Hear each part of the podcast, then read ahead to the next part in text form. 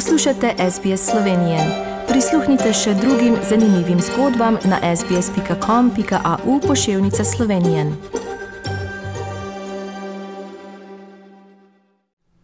Prijazen pozdrav, spoštovani rojaki.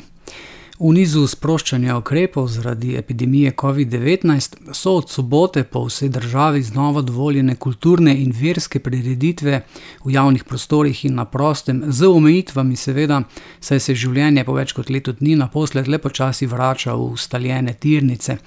V skladu z načrtom sproščanja ukrepov za zajezitev epidemije bomo v ponedeljek vstopili v tako imenovano rumeno fazo, kar pomeni, da je povprečna sedemdnevna okuženost nižja od 600 oseb. Glede na aktualizirani vladni semafor sproščanja ukrepov se s ponedeljkom tako spet v celoti odpirajo srednje šole in fakultete, na javnih površinah se bo lahko od sobote družilo do največ 50 ljudi. Sproščajo se tudi športne prireditve, prav tako ob pogoju, da imajo udeleženci potrdilo o prebolevnosti, cepljenju ali testiranju. Dodaten pogoj pa je, da je zasedenih največ 50 odstotkov sedišč. Sproščajo se tudi turistične namestitve. Nekateri pogoji bodo ostali tudi, ko bomo vstopili v zadnjo zeleno fazo z manj kot 300 novimi okuženimi v sedemdnevnem povprečju, kar bi se lahko zgodilo v naslednjih nekaj tednih. Osrednja točka majske seje državnega zbora v torek pa bo predlog ustavne obtožbe predsednika vlade Janeza Janše, ki mu v opozicijskih strankah LMŠ, SD, Levici in SAP očitajo kršitev več členov ustave in zakonov.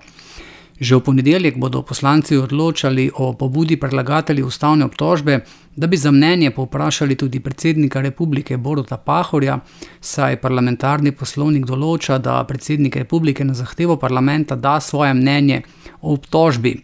Ustavni obtožbi Janše bodo poslanci namenili dobrih 9 ur in pol razprave, glasovali pa bodo še isti dan v večernih urah, torej prihodnji torek. Da bi poslanci Janša obtožili pred ustavnim sodiščem, pa potrebujejo navadno večino, to je najmanj 46 glasov. Za konec tedna je predvidena še ena politična razrešitev in sicer predsednika parlamenta Igorja Zorčiča. Gre že za drugi poskus Zorčičeve razrešitve, pred uložitvijo predloga pa mu je v tem primeru vladna koalicija prinesla 47 poslanskih podpisov s pozivom k odstopu, na to pa predlog uložila z 38 podpisi koalicijskih strank SDS, NSI in SMC. Glasovanje o Zorčičevi razrešitvi je predvideno za prihodnji petek.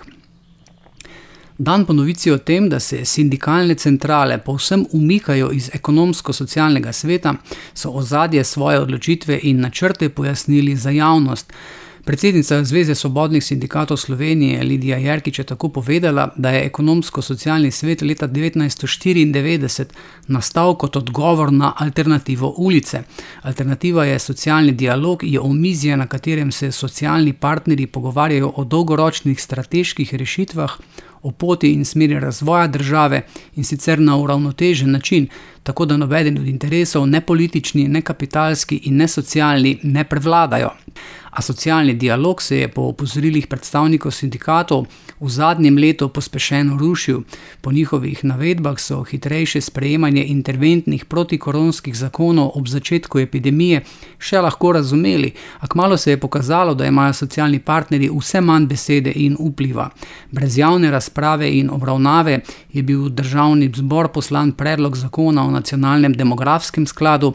V tajnosti in brez sodelovanja socialnih partnerjev je bil v Bruselj poslan nacionalni program za okrevanje in odpornost, sodo pa je dno izbil predlog davčne zakonodaje, ki je bil prav tako v državni zbor vložen brez kakršnega koli sodelovanja.